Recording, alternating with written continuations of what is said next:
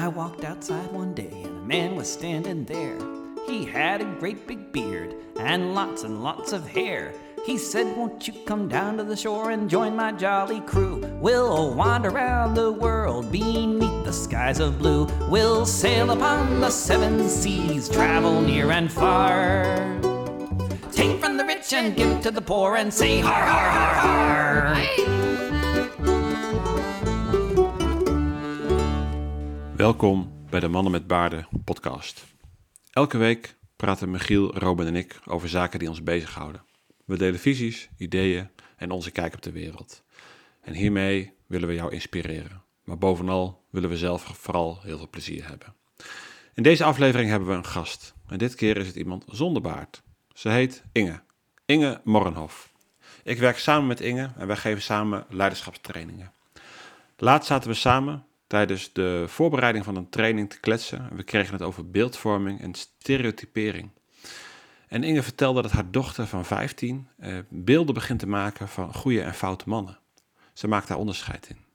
En ze begint te profileren. En dit was Inge nog niet eerder opgevallen. En vervolgens zei ze: Ja, en als ik jou, zo met je baard, in het donker tegen zou komen en ik zou je niet kennen, dan zou ik ook een inschatting maken. En toen bleef het stil. Hm, doen mannen, al dan niet met baard, dit ook? En hoe komt dit? Dit leek mij een onderwerp om eens met de mannen met baarden te bespreken. Hey, hallo. Heb je nog gewoon je naam weggehaald?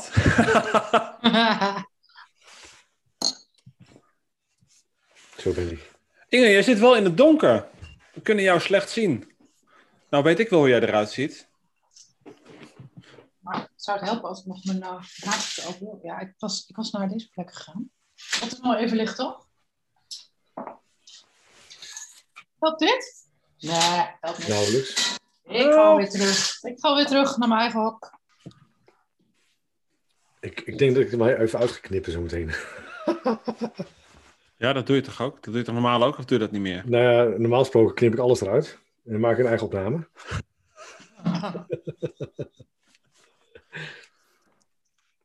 Blijf ook gewoon lopen, hè? Ja, je woont groot, ik weet het. Een redelijke plafondloos. Ja, er zat een Dus ik ben gewoon heel erg open type. Mm. Dan sta ik in verbinding met het hogere. Oh, een mooi Ikea-schilderij. Deze, Ja, hoe heet die weer? Eh, eh, die Russische... ehm, ehm, Kandinsky. ja, precies. dank- Dankjewel. Kandinsky. Ja. Ja. Ja. de repro. Zeker. Mhm. Michiel, ben je een beetje op de negatieve ramkoers vandaag? Of wat, eh, wat eh, is dit nou Eh, weer? Valt het op? Jeetje, Mina, joh. Nou, Nou, wat is... Oké. Hartstikke gezellig. Kijk, de master zelf. Ik zat op het verkeerde account, dus ik moest even opnieuw inloggen. Altijd weer afwachten. En vandaag is het een tuinbroek. Ja, precies. Geweldig. Hallo Inge. Hoi Robin, ik ben nog even van de schrik aan het bekomen. Is het echt een tuinbroek? Ja? Oké. Oké. Inge left the group. Nee, nee. Hmm. Nou, ik ben heel benieuwd wat hier achter deze stilte en dit oké zit, maar dat horen we zo nog wel. Welkom allemaal. Goed jullie eh, weer te zien eh, na een week. En te horen. En ik ben blij dat de dagen weer wat langer zijn. Dat ik hier nu niet in, de- in het donker zit, maar eh, dat het s'avonds weer wat langer licht is. En je hebt een uur langer. En je hebt een uur avond langer. Ja, zeker. Dus eh doet me goed. Hey, en ehm, twee weken geleden hebben we onze eerste gast ontvangen. Dat was Dieter. En vorige week zijn we met z'n drieën bij elkaar geweest. Toen zeiden we, hey, eigenlijk is het wel leuk om een gast uit te nodigen. Ja, dat is flauwekul. Want je had daarvoor al een gast uitgenodigd. Ja, voor deze week. Voor de vorige podcast. Nou, dit moet je er maar uitknippen, want ik vind het nou al verwarrend worden. maar goed, we hebben vandaag een gast. Ehm, en we breken met de traditie. We hebben het al over tradities gehad. En de traditie was dat we een man met een baard hadden. Dat is maar één keer voorgekomen, maar dat geeft niet. Dus die breken we nu al. Ehm, en ik heb eh, iemand uitgenodigd, en wel eh, eh, Inge Morrenhof. En Inge en ik, wij werken eh, ook samen. We hebben vandaag nog eh, de hele dag eh, samen training gegeven, les gegeven, online. Ehm, en nu ben je hier. Welkom. Ik vind het hartstikke leuk dat je er bent. Als eerste zonder baard. en als eerste vrouw. Vind ik gewoon grappig. En ik vind het gewoon super cool om dat. Weet je, mannen met baarden zegt ook iets van. eh, misschien mijn beeld hoor. Dat het dan ook over mannen met baarden moet gaan. Of dat het voor mannen met baarden is. Maar het is natuurlijk gewoon gelul. Ja, maar als je kijkt naar onze fan, fans, het zijn allemaal vrouwen. Die is hier al, die fan. Dat is de enige fan. Want Inge is fan van het eerste uur. En misschien dat ik het wel leuk om te zeggen. eh, voor, voor zover mij bekend, de enige die heeft aangegeven fan te zijn van de stem van Michiel. Dus dat is al. Oh. Ja, dat is wel echt waar. Oh, ja, vind dat ik is wel heel erg leuk. Dankjewel. Ja. Dus ik, dus ik had ehm, eh, er met Inge over. Ik zou het heel erg leuk vinden als je bij ons in de, in de podcast eh, wilt komen. En toen zei, ja, moeten we het dan over hebben? Toen zei ik, ja, mannen met baarden. Nou, toen begon er iets te dagen. Toen zei ze, nou, de aanleiding, ik zal hem delen. Mijn dochter zei je, en de leeftijd moet je zo meteen maar eens delen. Zegt, die, eh, die begint nu met ehm, nou ja, een soort van profielschets te maken. Ze zegt, hey, als ik dan mensen moet typeren, dan zeg ik, dit is een goede man en dat is een foute man. En als ik die dan in het donker tegenkom, dan, nou, dan voelt dat niet goed. En jij legde daar blijkbaar de link met mannen met baarden. Dus ik denk, hmm, dan ben ik wel even benieuwd. Ik ben getriggerd. Die wil je per definitie niet in het donker tegenkomen, bedoel je? Sowieso niet. Oh. Sowieso niet. Dus daar ben ik wel benieuwd naar. Daar wil ik het graag over hebben. En ehm dus een profielschets of als je daar eens over doorgaat, dat je zei van, eh, eh, vrouwen als, nou, misschien wel slachtoffer, of die zijn in de beeldvorming slachtoffer, zoiets hadden we het over. Dus ik ben even benieuwd eh, hoe je daar tegenaan kijkt. En naast dat, jij, eh, dat wij samen eh, zo nu en dan trainen, Inge, heeft Inge ook een eh, eigen bedrijf? Firma Tegenwind. Als leiderschapscoach en begeleider. En jij schrijft op je site en denkt van, nou, dat is misschien wel mooi. Want net zei je iets niet tegen Robin. Althans, dat voel ik dat jij iets niet zegt over die tuinbroek. Want jij schrijft op je site van, ik vertaal wat niet gezegd wordt. Ik durf de vragen te stellen die ertoe doen. En vaak zijn dat de dingen waarvan iedereen weet dat, of aanvoelt dat het daarover moet gaan. Dat is waarschijnlijk die tuinbroek. Maar is het lastig om dit uit te spreken of boven tafel te krijgen? Ik denk, nou, nou ben ik benieuwd. Die had mijn, eh, mijn aandacht. Ja, ik Welkom. ben het helemaal eens. Helemaal eens. Ik wil het niet hebben over de tuinbroek van Robin. Oh, ik wou net zeggen, want ik wilde best iets over zeggen over die tuinbroek van Robin. Maar nee, maar volgens mij, Kevin, we hadden het over inderdaad dat. Ja, wa- waar wil je dat ik op inga? Op die tuinbroek, op eh, wat er op mijn site staat of op eh, dat eh vrouwen-ding? Ik vond ook veel informatie hoor. Helemaal gelijk in, hè? Niet goed, is te veel, hè? Nou ja, Ik ben te, ik, ben ik te veel? Ben ik te veel, jongens? Ja, ik denk- dat je de ruimte neemt. Nou, laten we dan die tuinbroek even loslaten. Nou, Nou, alsjeblieft niet. Hou de Nou. tuinbroek aan. Goed, zal ik anders gewoon eh, even met jullie met z'n drieën verder gaan? Dat is ook prima hoor. Ik heb zat andere dingen te doen. Dus, eh, oh, oh, oh. Nee, nee, laten we het... eh, dat, dat onderwerp, Inge, waar we het over hadden. Over eh Ja, het stereotype. over. ja, dat kwam omdat. Dat was volgens mij. Dat klinkt nu al heel ver weg. Maar volgens mij was dat vorige week of zo actueel. Ja. Oh, wat was het? Een Engelse dame of zo? Die volgens mij was het zelfs een, ex, een, een politieman of zo. Dat die vrouw had vermoord, verkracht. Nou, weet ik veel. Ja, zoiets. Verdachte Ja. is aangehouden, ja. Ja, toch? Ja, hij is als verdachte aangehouden. Hij is nog niet veroordeeld. Dus, eh, Prima. Eh, maar het ging over, inderdaad, er ontstond, ontspond zich een heel ehm, een gesprek op Twitter en ook wel live bij vriendinnen en zo van mij. Van, ik schrok daar zelf eigenlijk van. Over hoe vanzelfsprekend het is als vrouw dat je een potentieel slachtoffer bent eigenlijk. En dat als je de straat op gaat, dat je eh, nou ja, scant, dat je sommige straten overslaat, dat je, ik weet niet of ik tegen jou zei Kevin, maar dat je dan met de sleutels in je hand fietst. Ja, mijn die begreep ik studententijd niet. had- Ja, in mijn studententijd had ik zo, mijn studentenkamer had zo'n, eh, ik weet niet hoe zo'n slot heet, maar dat doe je dan ergens bovenaan met een hele lange sleutel. En die deed je dan zo tussen je vingers. Dat was in de tijd van de serieverkrachter in Utrecht. En dan kon je, als je iemand tegenkwam, kon je hem zo stoten. Dat vonden wij heel normaal. En hardop zingen op de fiets, want dan leek je zelfverzekerd. En dan werd je afgeleid van de angst die je voelde.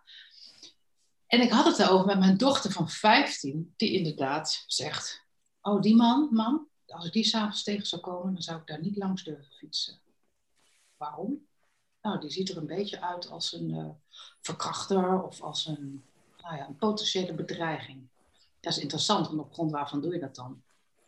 Nou ja, daar hadden we het over. En toen, volgens mij, maakte ik de opmerking, Kevin, als ik jou in het donker zou tegenkomen, ik zou jou niet kennen, zou ik ook even snelle inschatting maken. Ja, maar je zegt niet wat volgens de inschatting is. Wat de uitkomst is van jouw... Uh... Dat Of lijkt me ik als een bedreiging zie of niet. Ja, laat dat En ik denk dat ik het, wat ik ingewikkeld aanvind, of ingewikkeld, wat, nou ja, het frappeerde mij gewoon dat ik dacht, ja, dat is zo vanzelfsprekend. En ik had het daar met mijn vriend over, ook man met baard, die zich dat ook niet per se realiseerde. Maar die zei, ja, ik ben me er wel van bewust als ik door een, op een donker straatje loop en ik loop achter een vrouw alleen, dan denk ik wel bewust na van, ik ga haar nu even inhalen. Of ik ga nu even zeggen, hoi, ik, ik volg je niet hoor, maar ehm, ik moet ook naar het station. Je wel, dat soort dingen. Om je te onschuldigen. Toen dacht ik, nou, dat vind ik goed dat je dat doet. Want niets is enger dan in het donker lopen en van die voetstappen achter je horen. Maar ik dacht, volgens mij ervaren mannen dat helemaal niet zo. Of hebben jullie die ervaring wel? Als je hakjes achter je loopt, dat je dan denkt, oei. Nee. Wel als de man met baard met hakken is, maar dat is allemaal nee, maar beweeg me niet in die scene, eh Robin. Ah. Ja, in ieder geval niet buiten. Hey, jullie hebben dochters? Of, nee, Kevin heeft Ja. een zoon, maar die is nog jonger. Ik heb Ja. twee dochters. En hoe, Ik hoe bereid, heb je het daarover met hen? Ehm, nou, ik denk, eh, hoe oud zijn die van jou, Robin? Mijn dochter is eh 13, wordt 14 eh, over twee maanden. Ja, ik heb ehm, een dochter van 12 en een dochter van 10. En eh, mijn oudste dochter wordt binnenkort 13. Maar ehm, ik, ja, ik heb dat nog niet zo. Nee. Ik kan me voorstellen als, ze als ze wat ouder wordt en uitgaat. Ik heb wel altijd gezegd eh, van ja, ik moet niet aan denken dat ze, dat ze op een gegeven moment eh, dat ik op moet halen, omdat, tenminste op moet halen en dat ze uitgaat en dat ik moet eh, wachten eh, om, om haar op te halen. Omdat ik dat ik er zelf haal en dat ze naar huis fietst of dat ze met wie dan ook mee fietst. Dat, was, dat is mijn beeld, was het altijd wel. En dat zal misschien ook wel een werkelijkheid worden over twee, drie, vier jaar. Geen idee, maar ik heb daar meer dan met mijn zoon. Mijn zoon heb ik zoiets van, die is nou 14. En ik zei, ja, jongen, als je op pad wil, straks na die pandemie, ga maar. Ik zie je wel thuis. Ja, en bij je dochter denk je dus, ik- die ga ik ophalen. Ja, dat wel. Ja. Ja, En weet je wat nou de grap is? Dat we nu ook aan het stereotyperen zijn. Want eh, volgens mij laten statistieken zien, ik heb er ooit een collega over gehoord, dat je over je zoon eerder zorgen moet maken dan over je dochter. Omdat, eh, omdat eh, eh, jongens eerder slachtoffer van geweld worden dan meisjes. Nee, maar wat, Ja. wat, wat is het dan? Wat is het dan? Nou wat, ja, wat, omdat eh, wij eh, nu het een beetje vergelijkbaar met zeg maar een haaiaanval in zee eh, of een vliegtuigongeluk vergeleken met een auto-ongeluk. Het, speelt allemaal, het spreekt allemaal veel meer tot de verbeelding. Terwijl statistisch gezien je zeg maar, meer zorgen moet maken als je je auto stapt dan in het vliegtuig. Vrouwen, dus als vrouwen slachtoffer worden, serieverkrachten, dat wordt allemaal breed uitgemeten en het is uitzonderlijk. Maar statistisch gezien, eh, je zoon zal eerder eh, zeg maar in een vechtpartij terechtkomen of whatever, waardoor die slachtoffer wordt van geweld, dan dat dan eh, je dochter zeg maar door een, een of andere creep in de bosjes getrokken wordt. Maar is het dan eh, de media die daarop inspeelt? Is dat de reden? Ja, natuurlijk. Ook. Want de- wat je nou aan, aangeeft, wel Nieuwswaarde. interessant. Ja, wat ik, van de week hoorde ik NPO 1 een gedragswetenschapper, een professor, die eh, eh, het had over, eh, geïnterviewd over het vaccinatiebeleid. Nou, ik ga er niet over uitweiden. Maar ehm, wat interessant was, dat hij zei van ja, eh, we maken nu vergelijkingen met de kans op een risico dat, eh, dat je eh, iets, iets krijgt door een vaccinatie. En de kans is 1 op een miljoen. Hij zegt van ja, maar niemand hoort erover dat als je een auto rijdt, wat jij ook aangeeft, Robin, dat de kans dat je een ongeluk krijgt eh, 1 op de 10.000 is wij spreken. Dat accepteert men, maar een, een, een, een, 1 op, je kijkt moeilijk. Nou, wat ik lastig vind in deze vergelijking is dat je de ene kans baseert op al tientallen jaren statistieken, auto-ongelukken. En de andere kansberekening is nog geen jaar oud. Nou, dat ben ik niet met je eens. Nou ja, eh, we moeten toch nog maar afwachten wat die vaccin bij werken op langere termijn gaan brengen. Ja, maar weet je, dat gaat niet zozeer om, om daarom eh, misschien, maar het gaat met name om het gevoel. Dat je, eh, als je zegt een kans op een miljoen, betekent dus dat er een kans is dat het gaat gebeuren. Ja. Ja, dus als je in de media dat ook benadrukt van, joh, er is een kans dat, dat mensen gaan calculeren. Van, ja, wacht eens eventjes, stel je voor dat ik degene ben. Terwijl als je eh, eh, in de media luistert naar eh, de kans op ongelukken, dat zie je, dat wordt nooit verkondigd. Nee, en is dat dan ook omdat het er is- meer tot de verbeelding spreekt en herkenbaar is en daardoor misschien makkelijker te accepteren? Want ja, met eh, eh, hoe heet dat, vaccinaties, ja, dat is allemaal zo, dat is moeilijker tastbaar. Een verkeersongeluk hebben we beelden bij en ja, dat weten we. En dat is ook wat Robin misschien ook eh, zegt, joh, A, op basis van eh, eh, decennia lange eh, statistiek eh, en op de decennia lange ervaring in het verkeer. Ja, maar ik Dat denk iedereen dat je- daarmee groot geworden is. Ik denk dat je dat vergelijking kan vertrekken, want eh, we vaccineren al, eh, al eh, een eeuw lang mensen. Weet je, en is weer een nieuw vaccin. Dat zou ook een griepprik kunnen zijn. En het gaat er Nee, mij maar om. Het dat je vaccin juist, is, toch, is toch iedere keer verschillend? Jawel, maar je legt er nu de nadruk als media op van er bestaat een kans dat. Ja. En weet je wat jij ook nu aangeeft? Ik, ehm, ehm, dat jongens meer kansen hebben om iets te overkomen dan meiden. Nou, dat verbaast mij. Ik wist het niet. Maar nog Maar steeds. ik denk dat Robin daar wel gelijk in heeft. Alleen, ik denk dat het eh, vanuit het media-oogpunt, of misschien maatschappelijk gezien, is het op de een of andere manier, ik weet, interessant is niet het goede woord, maar wordt de vrouw meer neergezet als slachtoffer en de man als dader. Mhm. En volgens mij wordt die vanuit dat perspectief wordt dat gebracht. Nou, ik En, denk dat het wel Ehm, raar is er daarom meer aandacht? Ja, maar is het niet altijd zo dat ehm, vrouwen daar eh, altijd een eh, andere rol eh, hebben in de media? Hebben we dat eh, in het opzicht? Als je kijkt naar ehm, sowieso de, de positie van de vrouw, ehm, als je kijkt naar eh, de discussie altijd over de salarissen van de vrouwen, eh, de topposities, ehm, zorgen voor een, een evenredig eh, beeld in eh, de topfuncties.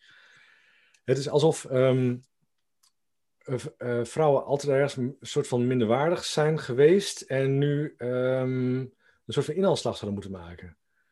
Ik heb die beleving helemaal niet, maar ik merk wel dat het gewoon heel erg zo vaak speelt. En ja, als je dan kijkt naar ehm, wat jij ook aangeeft met, met ehm, eh, nou, de, de vrouw die, of, of je dochter die uitgaat, ja, oeh, zou het wel goed gaan? Ja, dat zit dus kennelijk ingebakken in onze maatschappij.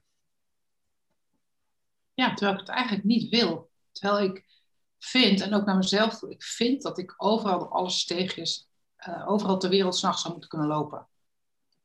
En Ja. toch doe ik het niet. Nee. En het Dat verpante is, is dat het dus niet. een, Nou, het verpante is dus wat jij ook aangeeft, is dat niet alleen iets, van, iets in onze cultuur hier in Nederland, maar dat het gewoon wereldwijd eigenlijk iets is.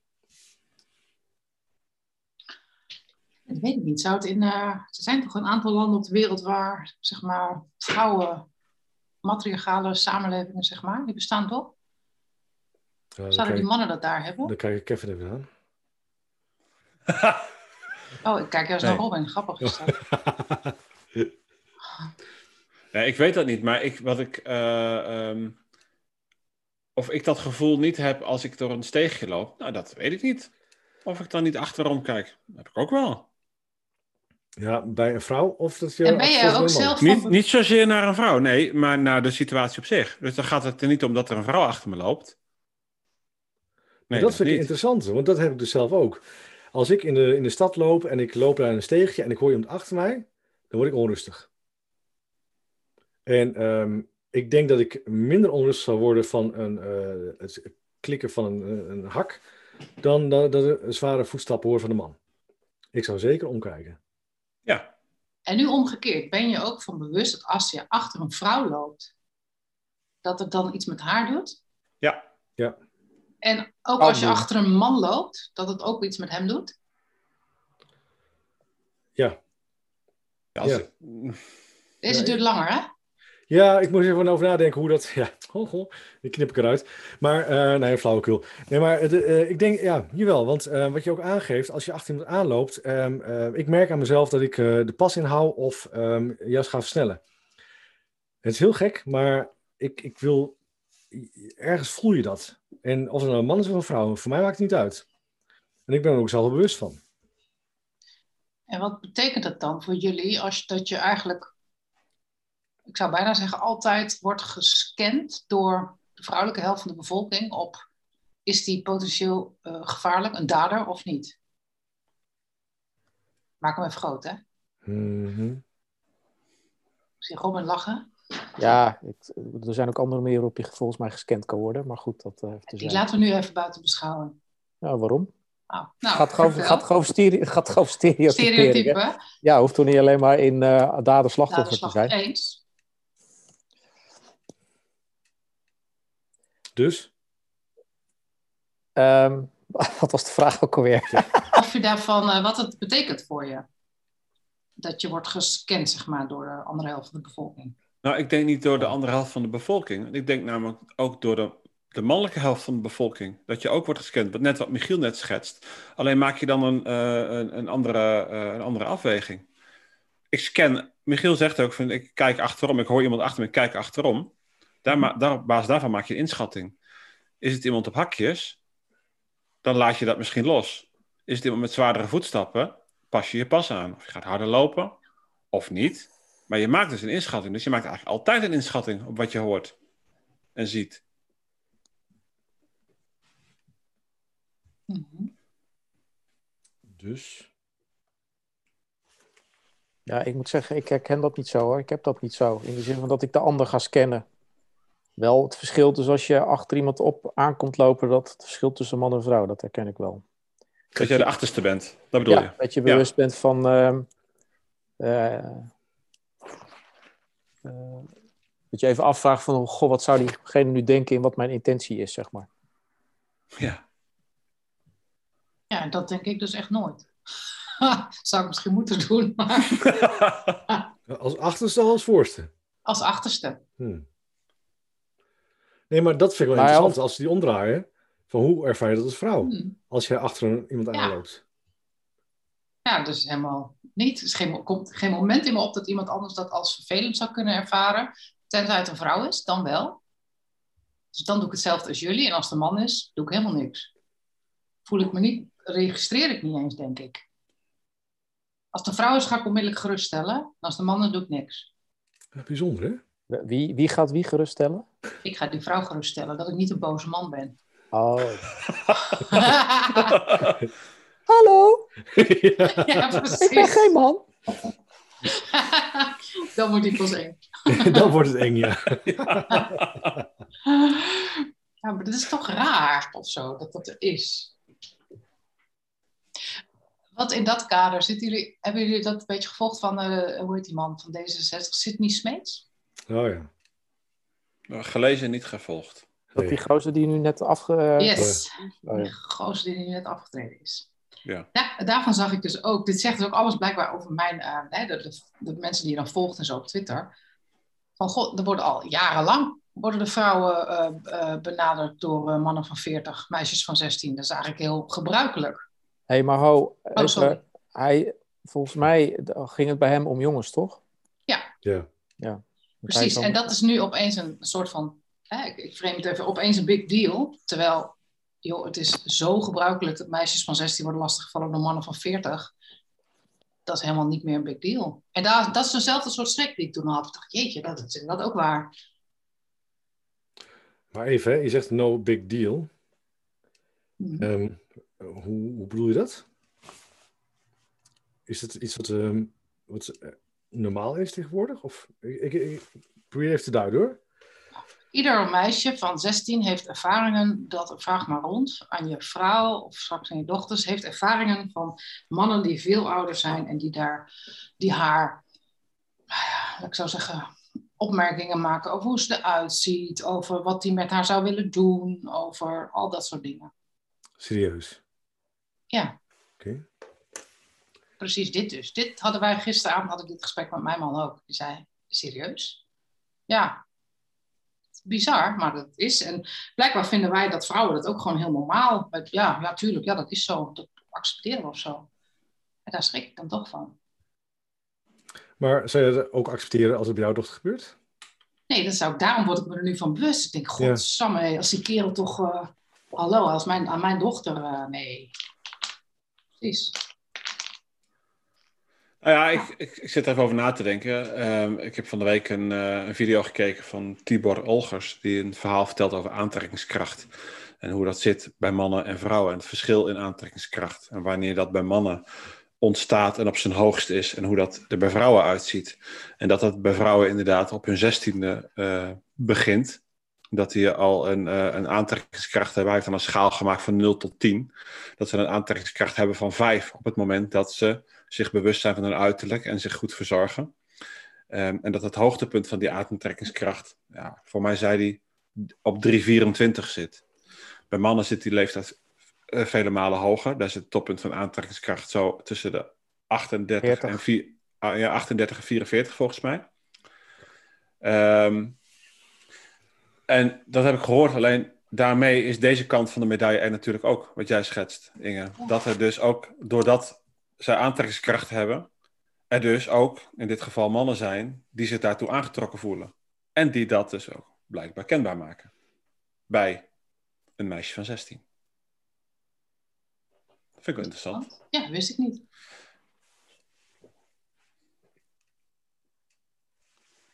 Hm.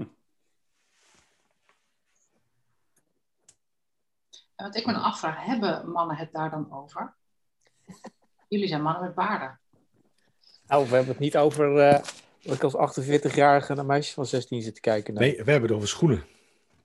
Uh, en laat ik dat even afmaken, want daar, heb, daar hoeft het ook niet over te hebben, omdat het voor mij in ieder geval niet gebeurt. Nee, nee dat ook nee. zeker.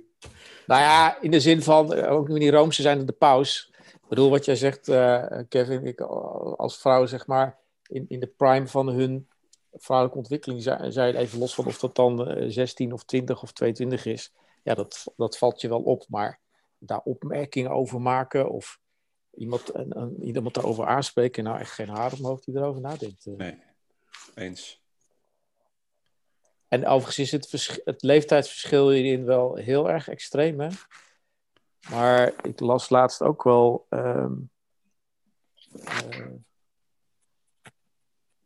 er zit ook wel een bepaalde wetmatigheid in dat uh, oude, mannen, zeg maar, die wat ouder zijn, of wat jongere vrouwen, los van dat we het dan weer snel kunnen gaan banaliseren, hè, van de vent van 50 die dan uh, met uh, armcandy van 25 op. Maar er zit ook wel een evolutionaire wetmatigheid in.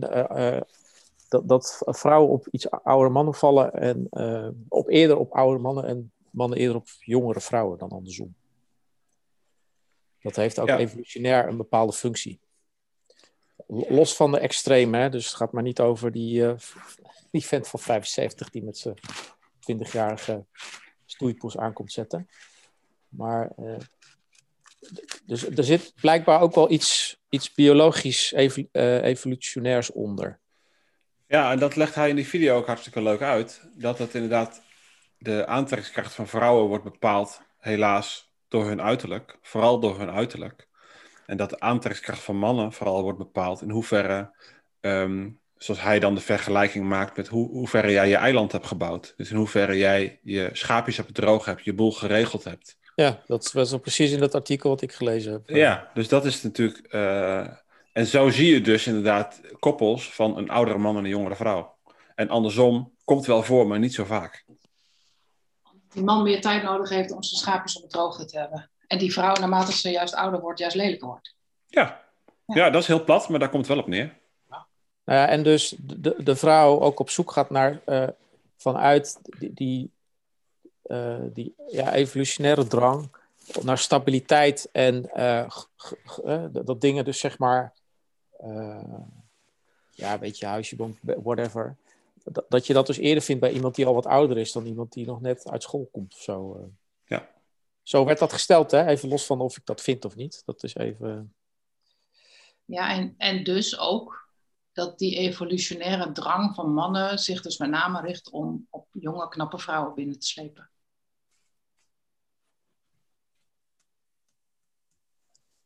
Uh, nou ja, misschien zit daar ook wel vruchtbaar. Ja, dat is misschien heel plat en, en seksistisch om te zeggen, maar daar zit misschien ook gewoon ja, het vruchtbaarheidsvraagstuk ja? uh, vraagstuk onder lijkt me evolutionair heel logisch, toch? Dit? Ja. Ja. Dat is inderdaad uh, evolutionair. Dat is niks seksistisch volgens mij. Dat is gewoon hoe het biologisch in elkaar steekt. Nou ja, er is op dit moment natuurlijk een hele beweging gaande om ook los te komen van hoe wij evolutionair en biologisch ons tot, tot elkaar verhouden hebben, zeg maar. Je bedoelt Ja. in gezinnen en zo. Nee, dat gewoon überhaupt het verschil tussen de seksen al ter discussie komt nu. Als Het het hele begrip seks eh, wordt al fluide, toch? Ja, en, wordt, eh, en, de- en wordt ook eh, ver- veroordeeld dat dat verschil er überhaupt in gemaakt wordt. Ja? Die, die hele ehm, eh, genderneutraliteit, daar zit toch ook best een ex- extreme beweging in van dat, dat überhaupt die verschillen zeg maar er niet meer zouden moeten zijn. Nee, en niet meer mogen zijn. Ja, Ja. er wel mogen zijn, maar dat je ze niet, eh, eh, dat het niet of het een of het ander is, maar dat er ook nog andere opties zijn. Ja. Ja. Ja. Dus ja, het is daar niet, gaat toch veel meer over dat er meer soorten zijn dan twee. En toch niet dat er geen verschil mag zijn. Nee, precies. Ja, het is van alles wat, hè. Dus ehm, het gaat volgens mij ook over dat de verschillen die er zijn, maar er niet zouden hoeven moeten zijn. Hè, die ongelijkwaardigheid, dat die vooral opgelost moet worden. En daar ben ik ook voorstander van. Ehm, maar het, het, wat, mij betreft mag dat wel, met, met dat je ook wel de mooie, de mooie dingen in de verschillen wel behoudt. Dus even met, met de begri- ja, even wat concreet te maken. Ehm, dat een vrouw, wat mij betreft, net zo goed een, eh, een CEO van een, van een corporatie of van whatever organisatie kan zijn. En daar ook gewoon net zo goed in betaald kan worden als een man. Helemaal voor. Weet je, dus eh, die, die dingen van ongelijkheid en ook het daderslachtofferschap, dat we daar dingen te doen hebben, absoluut. Ehm, maar, maar gewoon ook, ja, het, eh, de, de, de ultieme eh, kracht tussen een man en een vrouw qua ehm, aantrekking, voortplanten, et cetera.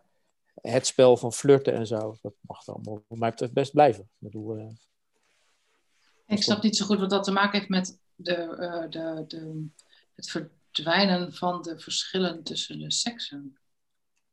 Of begrijp ik nou, er zit, er zit volgens mij ook wel iets ingebakken. Eh, je begint al automatisch lemnificatie in de lucht te tekenen tussen, tussen weet je, ehm, mannelijke en vrouwelijke energie, even los van het geslacht. Ehm, ja, misschien zit daar in wat ik zeg ook een beetje achter eh, het, het idee, en misschien is dat ook helemaal onterecht, dat het allemaal een beetje een nikszeggende soep wordt dan of zo. Want wat nou als iedereen geslachtsloos zou zijn? Dan wordt het één grote grijze massa. Ja, Ja, dus misschien wat ik eigenlijk, eigenlijk met een lang verhaal probeer te duiden. Er zit ook iets moois in het verschil. nou volgens mij moet het verschil er ook zijn. Dan heb je ook juist die tegenstellingen nodig. Ja, zowel los van geslacht, want in jezelf heb je ook, zeg maar, eh, mannelijke, vrouwelijke energie. Ja. Maar, maar ook gewoon hoe we biologisch gebouwd zijn, is, is het ook oké. En dat we er vervolgens allerlei sociaal-maatschappelijke verschillen aan vastplakken, die gewoon niet oké zijn, dat is een ander verhaal. Maar het voelt een beetje alsof je zegt, ehm, we gaan nu af van het, ik maak me even plat nu, het man of vrouw, of zwart of wit. Terwijl, en in plaats daarvan krijgen we nu 50 kleuren grijs. Eh, en daarmee wordt het één soep. Terwijl ik denk, nou, daar wordt het juist heel aantrekkelijk van, toch? Je krijgt een soep met veel meer nuances. Nou, weet ik niet. weet ik veel. In de zin van, eh, als je in die primaire oeraantrekking komt, of dat nou tussen twee vrouwen of tussen twee mannen of tussen man en vrouw, want dat, dat, daar gaat het mij betreft ook niet over. Hè? Het is geen pleidooi voor alleen maar heteroseksuele aantrekking. Maar die, die, die, die oeraantrekking, dat, dat gaat wel over plus en min, eh uiterst of zo. Als je met z'n allen een beetje in het midden gaat zitten, vraag me af wat er van, van die aantrekking overblijft. Niet zoveel, denk ik. Want voor mij moet je die balans, wat ik net al zei, die, die, die yin en yang, moet je wel eh, houden. En dat is los van eh, man en vrouw, maar het gaat wel over verschillende energieën. Ja. En die moet je volgens mij wel apart houden. En die zie je ook, wat jij zegt, in hetero, hetero eh, koppels. Die zie je ook in gay koppels. Of welke combinatie dan je ook maar voor ogen hebt. Ja. Mhm. Daar zit dat verschil in energie, want dat trekt aan en stoot af. En ik denk die- dat die aantrekkingskracht en, de, en dat als je meer naar een jij zegt 50, 20 grijs lijkt allemaal wat op elkaar. Dan wordt het volgens mij veel meer een, een homogene massa. En ik zou juist die, die divers- diversiteit... Hoe zijn we eigenlijk in dit onderwerp terechtgekomen? Mensen, kinderen. Ja, Michiel, ben je er nog? Ja, ik zit te luisteren met eh, eh, zwaar onder de indruk hoor, hoe het eh, zich ontwikkelt. Maar ik denk dat het heel goed is om even terug te gaan naar de kern. Nee, maar even. Oh. hè. Maar zitten we nog steeds op de kern hoor. Nee, Ja. want we hebben het over aantrekkingskracht. En als jij als vrouw loopt in een steegje of je hebt je dochter die op pad gaat en je voelt het uh, onheimlich dat ze weggaat omdat je bang bent dat iets gaat gebeuren, heeft niks te maken met aantrekkingskracht. Dus daar ergens zit er een verschil in perceptie, waarbij eh, wij, als, eh, eh, eh, of wij als mannen ergens een soort van bedreiging vormen voor vrouwen. En dat heeft niks te maken met wederzijds eh, iets. Nee, Ja, maar erin. Heeft het wel te maken volgens jou dan met eh, mannelijke en vrouwelijke energie? Oh, dan ben je me kwijt. Wat bedoel je? Oh, is dat te vaag? Ja. Ja, want Eh. voor, mij, voor mij is die wel breder hoor, Michiel. Want volgens mij de insteek was eh, verschil man-vrouw, stereotypering over en weer. En eh, ik misschien ook bewust een beetje de andere kant op heb geduwd. Is, het hoeft voor mij dan niet alleen maar te gaan over dader-slachtoffer. Dus je, er zijn allerlei andere dimensies waarlangs je ook kan kijken waar het verschil wel of niet oké in is. Ehm, dus voor, ik heb Ja. niet zo de behoefte om weer terug te gaan naar het steegje en eh, wat er gebeurt als er iemand achter je loopt. Er zijn Nee, nog andere s- aspecten om te, om te Snap ik, maar dat was, dat was natuurlijk wel de trigger om eh, eh, dit gesprek te starten. En eh, waar het eigenlijk, nou, eh, wel heel, wat ik wel heel bijzonder vind, wat Inge ook aangeeft, is dat, dat zij die ervaring heeft en dat wij als mannen ook die ervaring hebben. En hoe het nou überhaupt kan, dat wij wel zo denken, maar als zij, ehm, dat, zij als vrouw gewoon er toch heel anders naar kijkt, als vanuit haar perspectief. En ik ben benieuwd van hoe, hoe kan dat, hoe werkt dat? En dat is niet alleen eh, in onze cultuur zo. En het, eh, eh, het zal gegroeid zijn. En het heeft alles te maken natuurlijk met eh, eh, je, je voortplanting en de, de, de, de vroegere ja, ehm, eh, genetische bepalingen misschien. Maar het is een wereldwijd iets. Je, je hoort alleen maar namelijk in de media over vrouwen die iets overkomt en niet over mannen die iets overkomt. En dat vind ik juist heel interessant. Hoe kan het nou? Terwijl jij juist duidelijk zegt van ja, maar jouw zoon is statistisch gezien eh, meer in gevaar dan je dochter. Nou, ik kan het niet helemaal rijmen. Ik vind het ingewikkeld. Dus ik, ik snap dat jij liever uit een steegje wegblijft. Maar ik vind het juist interessant om juist die, die, die helikoptershoot te pakken en kijken van hoe, hoe kan het überhaupt dat het op die manier gedacht wordt. Ja, nou eens, maar dan hoeft het mij toch niet alleen maar te gaan over daadslachtoffer, maar ook over Nee, andere nee, ongelijkheden, zeg maar. Nou ja, tussen de ongelijkheden. Want eh, inderdaad, nou dat heb je hele mooi inderdaad, wat je nou zegt. Want de ongelijkheden, in de zin van, hè, wat ik net zei, van hè, vrouwen voelen zich, nou, ja, dat is, dat is zwart-wit gezegd, hè, alsjeblieft niet gaan slaan eh, na deze uitzending. Maar eh, vrouwen voelen zich afgesteld, eh, willen, eh, er moet meer gemeleerd eh, eh, iets komen, in, in, eh, waar dan ook, hè, gelijkwaardigheid. Maar ondertussen eh, ervaren we wel met z'n allen dat wij als mannen meer een soort van gevaar zijn eh, voor de vrouwen.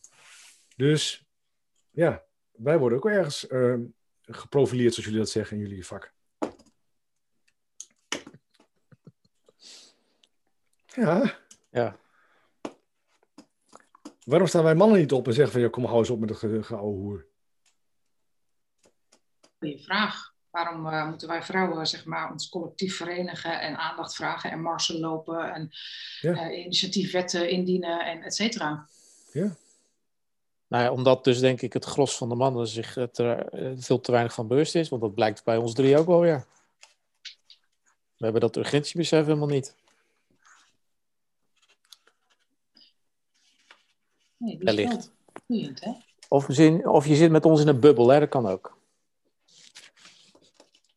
Want het zou- er- ergens is het natuurlijk ook de ervaringen die, als we even kort op de bocht gaan, de meeste vrouwen hebben, daar, daar, daar moet dus ook een man aan te pas gekomen zijn die zich dus niet fatsoenlijk gedragen heeft. Ik denk Dus ook is- het is gewoon één man in Nederland. Ja, precies. vrouwen- Nee, maar is het dan nou ja, maar dus even de vraag die erachter zit. Is het dan een kleine meerderheid die het voor de, voor de meerderheid van de mannen verpest?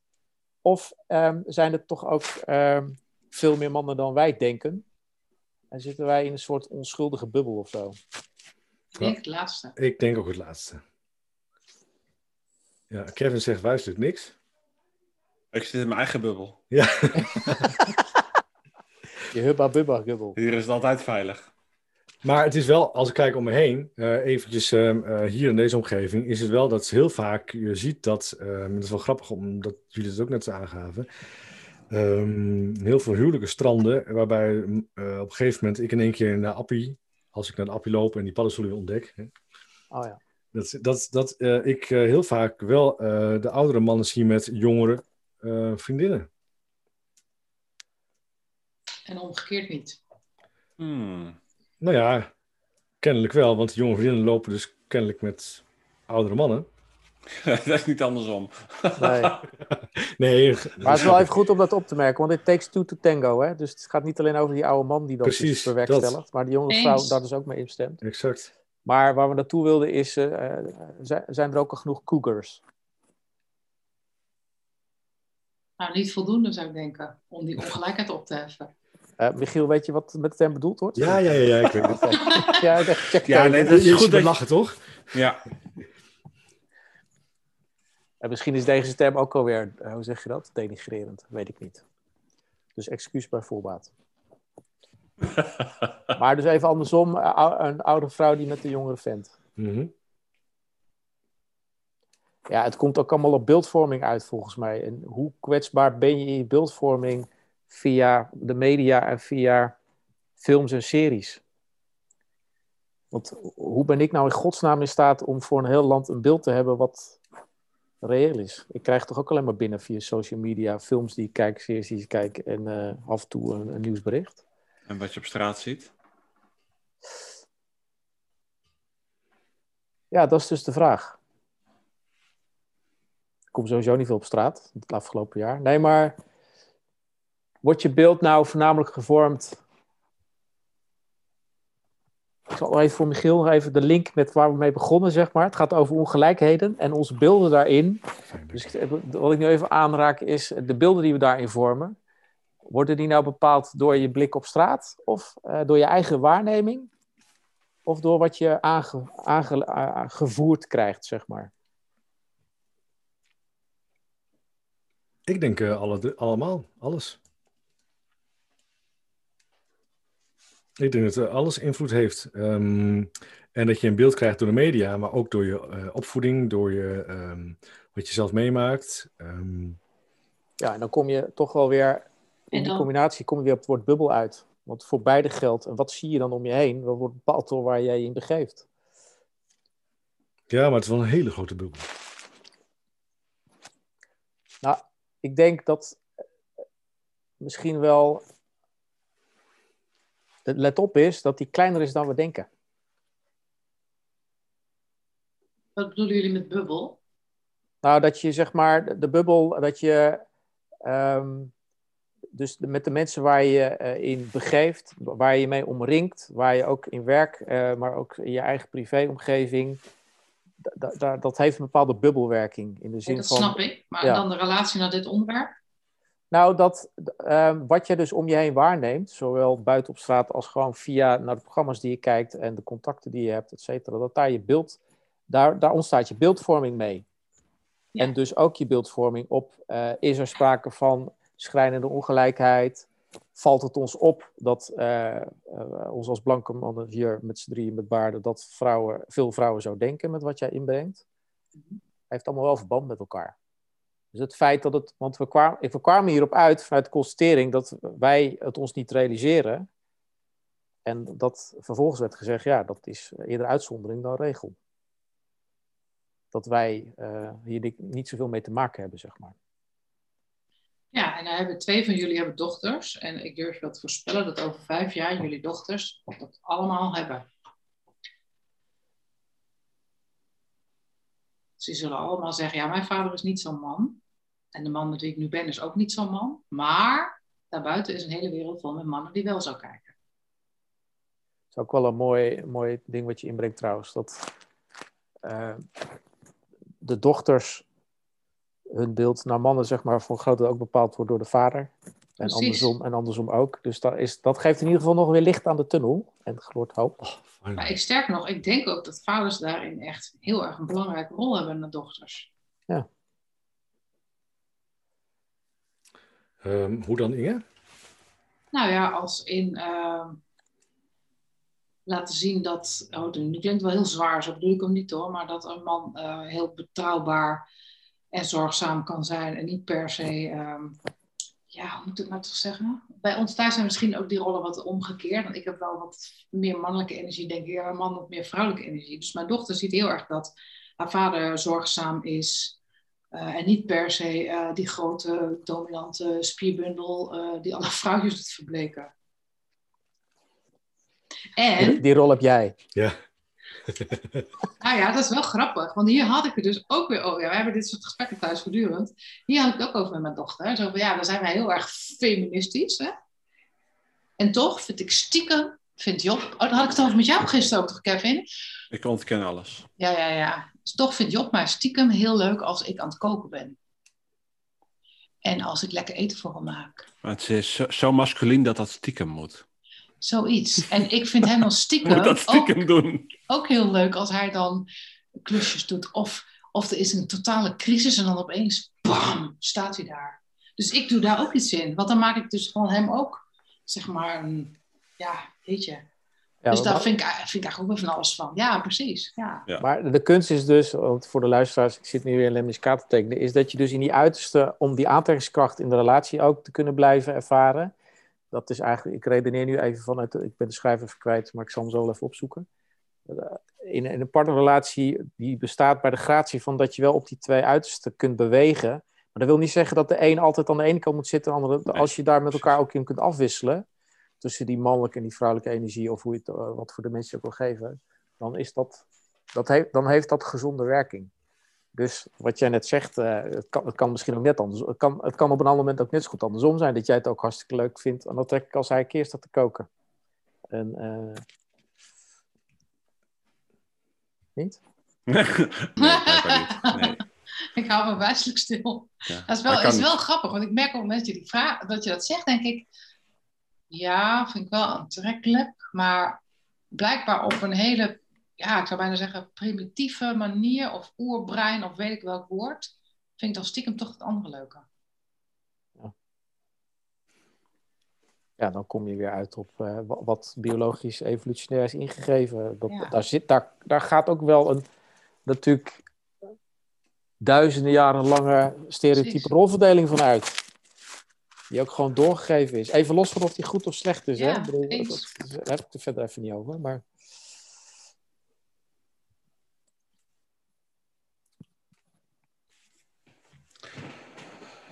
Jeetje. Wat een diepgang zo op de donderdagavond. Nou, zal ik hem dan even luchtig maken? Nou, doe Ik weet niet of jullie Twitter ook nog een beetje bijhouden over Ja, Pinky- Michiel.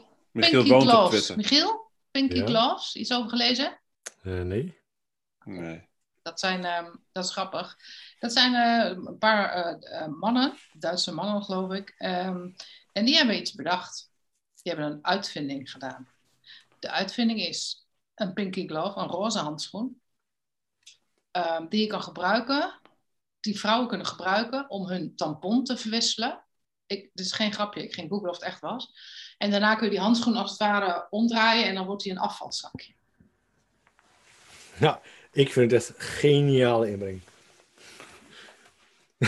Van die mannen? Nee, van jou? Oké. Dus nu als toen, toen Of van die tampon, of van die tampon inbrengen. Ah. Ah. Maar toen was dus de grap op de grap. Ja, nou, dus op zich is dat best een aardige gedachte. En toen eh, las ik een tweet van iemand in het Duits en die zei: Hmm, interessant. Dus dat, en, en, nou, dat, de gedachte erachter is heel mooi, want er kwam een heel marketingverhaal over hygiëne en zo. Nou, dus blijkbaar is het dan onhygiënisch om je tampon te verwisselen. En toen zei een dame: Ja, ja, misschien moeten wij vrouwen ook eens een blauw handschoentje uitvinden. die die man kan gebruiken als hij gaat plassen. Want ja, hij zit ook maar met zijn hand aan die piemel en daarna geeft hij mij ook weer een hand. Dus misschien is dat wel een leuke uitvinding. In elk geval, die mannen zijn afgemaakt en ik weet niet of het bedrijf inmiddels failliet is. Maar ik vond hem wel leuk in dit kader, om het een beetje luchtig te maken. nou, noem het Niet luchtig. gelukt? Ja, maar er, Ja, er, zit, er zit namelijk hele serieuze thematiek wel onder. eh. Precies. Ja. Dit is gewoon mansplaining. Dit is gewoon bedacht dat dat eh, onhygiënisch is. Dat er moet een probleem, er moet een oplossing voor worden bedacht. Nou, als het een probleem is, hadden die vrouwen eerst al een oplossing bedacht. Jullie hebben nog nooit van je leven tampon verwisseld, toch? Nou, dus. Eh, Punt. geen commentaar. Oké. Ja, in mijn neus. Ja. Michiel had gewoon gezegd geen commentaar. had het gewoon daarbij gehouden of zo. Ja, nee, maar uit die bloedneus. Dat is hartstikke- Ja, ja, ja, klaar. Maar Robin, Helder. zit serieuze thematiek onder? Ja, eh, dus eh, eh, aan de ene kant ehm, kun je zeggen, ja, waar bemoei je je als man mee met iets wat typisch vrouwen is en wat weet jij er nou van? En dat is vanuit die emotie wordt, worden ze nu dus blijkbaar ook afgefikt. Aan de andere kant is het ook even los van dit inhoudelijke voorbeeld, ehm, kun je ook vanuit de andere geslacht wel iets aannemen als het eh, zeg maar over iets gaat, over een probleem, whatever it may be, wat jouw eigen geslacht aangaat.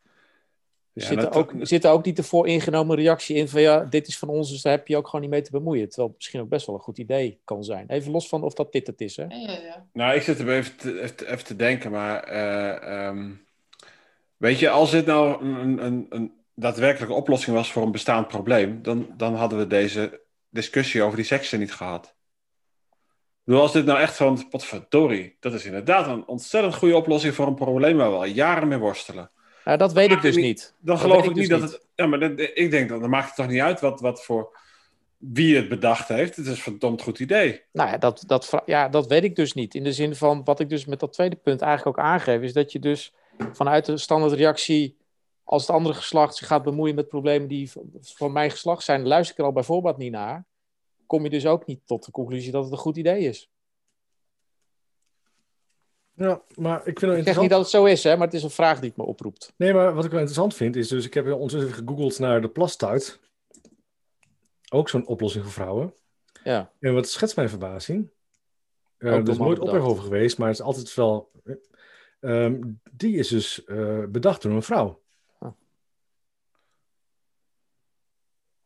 Dat is interessant. Want wij wilden niet altijd onze broek naar beneden doen. Wij, wij vrouwen, wij wilden niet onze broek naar beneden doen eh, als wij moesten plassen. Nee, maar wat zou er gebeuren als het door een man zou uitgevonden zijn? Schandalig. Toch? Nee, maar serieus, Kevin? Nee, we, dat weet ik niet. Ik, ik, maar goed, dan ga ik uit van mijn eigen referentiekaart. Dan denk je, wat kan mij het schelen wie het bedacht heeft? Als het een oplossing is voor een Ja. probleem waar ik mee kamp, wat interesseert mij het nou? eh, Nee, Of het een man, een vrouw, of, is. of een kleur, een jong of een oud iemand is, of het in China, Rusland of Amerika maar bedacht ik denk is. dat Inge- mij dat uit? Inge eh, gelijk heeft. Ik denk dat het hetzelfde is. Als wij als mannen een oplossing hadden bedacht voor vrouwen, eh, zoals de plastuit, nou, dan hadden we ook verdoemenis over ons heen gehad.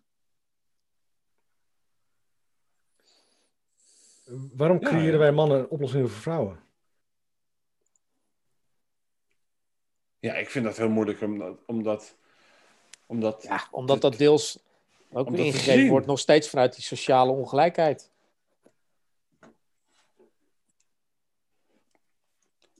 Dat snap ik niet. Wat bedoel- je daarmee? Nou, er zit toch continu in, onze, in ons gesprek wel een ondertoon in dat we het er volgens mij wel over eens zijn dat er historisch gezien nog wel een, een bepaalde ongelijkheid altijd is geweest. En, en, en ehm, dat we dat ook niet leuk vinden. Ja, hoe moet ik dat zeggen? Het is nog steeds wel een man's world, zeg maar, de, eh, die de dingen bepalen of zo. Dus ook ja, eh, een start-up van een bedrijfje met mannen die dan gaan bedenken voor een vrouwprobleem een oplossing te kunnen hebben. Ik bedoel, ehm, En eigenlijk ja, het, misschien komt mijn punt niet helemaal over, maar ik bedoel, stel dat dit 40 jaar geleden was gebeurd. Ik bedoel het in de context van dat überhaupt mensen bezig zijn via een eigen onderneming, start-up, om ergens eh, zeg maar iets in de markt te zetten. Dat het over het algemeen sowieso nog, nog steeds meer mannen zijn dan vrouwen. Of dat was in ieder geval zo. Dus is natuurlijk wel een inhaalrace nu bezig. Ik eh, laat maar zitten even. Ik kan mijn punt niet goed maken. Hm. Nou ja, nee, wat ik eigenlijk bedoel te zeggen, markten, economische markten, worden nog steeds misschien wel te veel door mannen eh, overheerst. Dus in die context eh, gebeurt het dus ook dat ze zich gaan bemoeien met oplossingen voor vrouwenproblemen. Nou ja, wat, waarvan wij denken dat vrouwen problemen zijn. Ja. Ja, daar begint het al mee. Ja, en ik, ja. Ik, weiger, ik weiger dat te geloven hoor. Ik heb echt zoiets van, voor mij heb je gewoon, gewoon je, je, je vooronderzoek gewoon, ja, ik zou zeggen het is een kutonderzoek, maar misschien is dat niet de juiste woordkeuze in dit. in deze, maar je hebt, je hebt gewoon je, je, je, vooronderzoek niet goed gedaan. En je hebt een, een oplossing bedacht voor een probleem wat er niet is. Dus ik vind het heel lastig, merk ik, om te geloven dat dat op het geslacht vastzit. Ja, dat komt nu zo naar voren. Dat die mannen dat presenteren, maar het is gewoon niet een oplossing. Ik bedoel, met, ja, ik denk als je als man iets had bedacht, zo'n plastuit, ik vraag me af of dat zo'n discussie was geworden, of dat zo'n hetze was geworden als dit. Ik weiger dat te geloven. Nou ja, ja, wanneer is iets een hetze? Dus het, feit dat hè, het mechanisme wat hier ontstaat is dat er, er, er wordt iets in de markt gezet, aangeboden. Dat, gaat, dat is een product specifiek voor een geslacht, of dat nou die plastijd is of een handschoentje, whatever. Ja, dan zal er altijd wel een, een klein groepje zijn die dan allergisch reageert vanuit, ehm, even in het geval van, van, die, van die handschoen dus, dan zijn het denk ik vooral vrouwen die daar allergisch op reageren. Correct. Ja. Nou, weet je, dat hoeven er maar, ik noem maar even wat, twee, drie te zijn die een hoop stampij gaan maken via allerlei social media. En je hebt alweer beeldvorming. Maar waar is dat dan op gebaseerd? Op de stemmen van drie, vier mensen. Ja, dat is waar. Dus het beeld wat je er ook weer bij krijgt, mannen zetten iets in de, in de wereld en, en er wordt heel, uh, het wordt neergesabeld. Um, ja, namens hoeveel vrouwen spreken, spreken die reacties dan? Velen, denk ik. Hmm. Ja, weet ik niet. In de zin van, um, dit is namelijk weer een ander thema. Het gaat al, als je inderdaad met elkaar ergens van wat moet vinden, en in dit, op dit vlak over ongelijk tussen mannen en vrouwen, dan word je daar dus ook wel in uh, je beeldvorming ook weer in, ja, hoe moet ik dat zeggen? Uh, weet je, het zijn de grootste, ook op alle andere thema's in deze tijd, zijn natuurlijk uh, de, de, de, grote schreeuwers die de meeste aandacht krijgen. Maar hoe representatief zijn die nou voor het sentiment of gevoel van een grotere groep? Dat is mijn vraag. Ik denk dat als je in dit geval, in dit voorbeeld, een steekproef zou doen en zou honderd vrouwen vragen: wat vind je van de uitvinding, nou deze uitvinding? Ja. Dat van die honderd vrouwen zouden 99 vrouwen zeggen van, huh? Waarom is dat bedacht? Ja. Maar doe vooral de steekproef in je omgeving, zou ik zeggen. Ja, ga een steekproef doen. ja, ga ik doen. Uh, wat ik er eigenlijk mee wil zeggen is, het, het blijft dus lastig want dan komen we ook weer terug op die bubbel en waar je, op basis van welke informatie jij je beelden vormt. Het blijft dus lastig om goed beeld te krijgen bij wat, wat het nou daadwerkelijk is.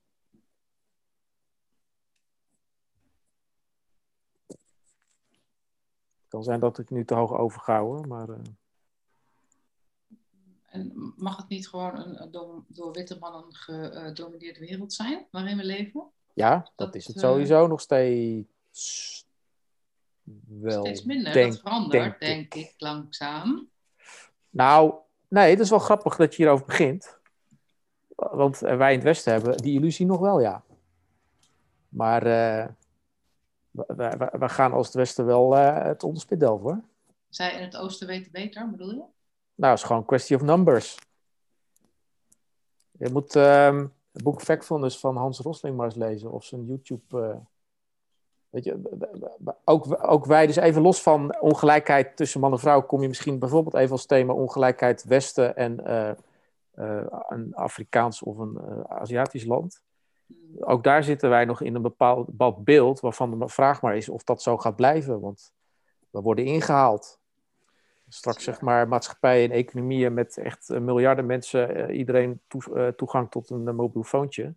En dan straks, en dat is ook ontwikkeling die hij laat zien, het, het, welvaart inmiddels zo gaat groeien in wat wij nog steeds ontwikkelingslanden noemen, terwijl dat ook al lang niet meer zo is, dat ze in staat zijn om, hij, hij neemt daar dan bijvoorbeeld de graadmeter in, in, mee of je in staat bent om bijvoorbeeld een vliegreis te kunnen betalen of zo. En dus mobieler te worden, ik weet niet precies meer. Maar dat die, die, die werelddelen zijn in opkomst. En, uh, de, dus het beeld dat de blanke man regeert globaal, nou, Nee, maar weet je, dat is, um, dat is een, denk ik een heel leuk uh, item voor een nieuwe podcast. Omdat um, je hebt nu over de blanke man, maar het gaat wel om de man. En ik denk dat ze straks een gele man krijgen of een zwarte man krijgen. Hè, het is wel steeds de man die um, daarin het, het voortouw uh, heeft. Nou, er zijn gelukkig ook wel uh, mooie voorbeelden al waar het anders kan. Nieuw-Zeeland, Nee, Finland. grootmachten en qua leidinggevende en qua aanzien is het wel steeds de man. En hoe kan dat? Waar zit het in? Ik vind het interessant hoor. Hoe kan het nou? Is er, is er echt iets biologisch? Ja, en wat jij ook Inge zei, dat er toch wel eh, stammen zijn waar het anders is, of uh, locaties het anders is. Maar ergens is het altijd de man. Nog ja, wel. ik, ik vind het wel interessant. Want gaat dat dan ook niet over dat leiderschap? Of dat nou een CEO is of een minister-president of anderszins. eh, is leiderschap is toch ook vooral een mannelijke energie. Een masculine. Het hoort toch bij het masculine? Ja, maar eh, weet je, dat hebben we ook wel zelf bedacht, hè? Ook wel een flauwekul. Dat is de vraag of dat bedacht is of dat, dat biologisch is. Nou ja, nou ja, weet je, als je kijkt naar eh, Nieuw-Zeeland, hoe dat gaat daar. Maar me- nee, ik zeg niet dat dat mannen moeten zijn. Ik heb het over. Ja, maar waarom, waarom maken we iets eh masculair? Waarom maken we daar, waarom plakken we er een stempeltje op? Ja, en dat het altijd zo is geweest, dat ben ik wel met je eens, Kevin. Maar Wat maakt leiderschap masculin dan? Nou, dat. Ja. Nee, ik zit niet dat ik dat vind. Ik zit te kijken van, joh, is dat niet biologisch zo? Is dat niet dat, dat leiderschap en het, eh, het voortouw nemen, om het even zo te, te stellen, dat dat hoort bij ehm, een masculine eh, energie en dat, eh, pak even de andere kant, het, het, het zorgende karakter, zou ik maar zo zeggen, dat dat meer hoort bij het feminine. Waarmee ik dus niet zeg dat het mannen zijn die de leiding moeten nemen, maar dat dat van oudsher degenen je- zijn die meer nee. masculine energie hebben. wat je wel zegt is dat zorgen dus niet eh, gepaard gaat in, met leiderschap.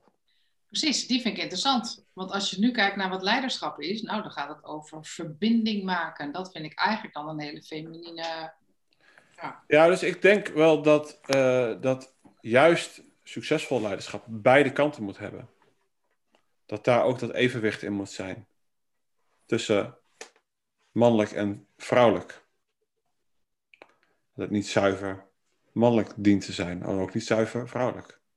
Maar ja, wat ik nou weer een interessante vraag is, waar baseer jij nou het beeld op dat het zeg maar die masculine kant altijd is geweest qua leiderschap?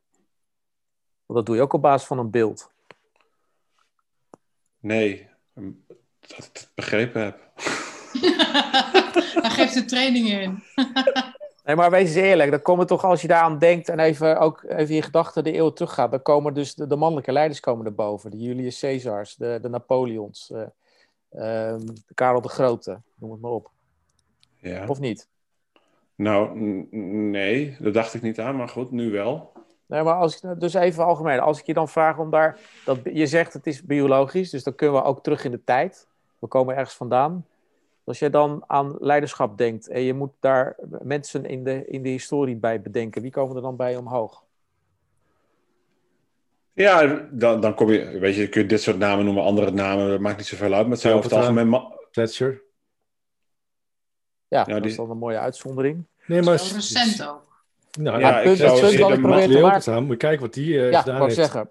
Maar het punt wat ik probeer te maken is dat we ook daarin weer gevoed zijn vanuit misschien ook wel veel te eenzijdige eh, beelden. Want ook alles wat daarin vastgelegd werd door mannen bepaald.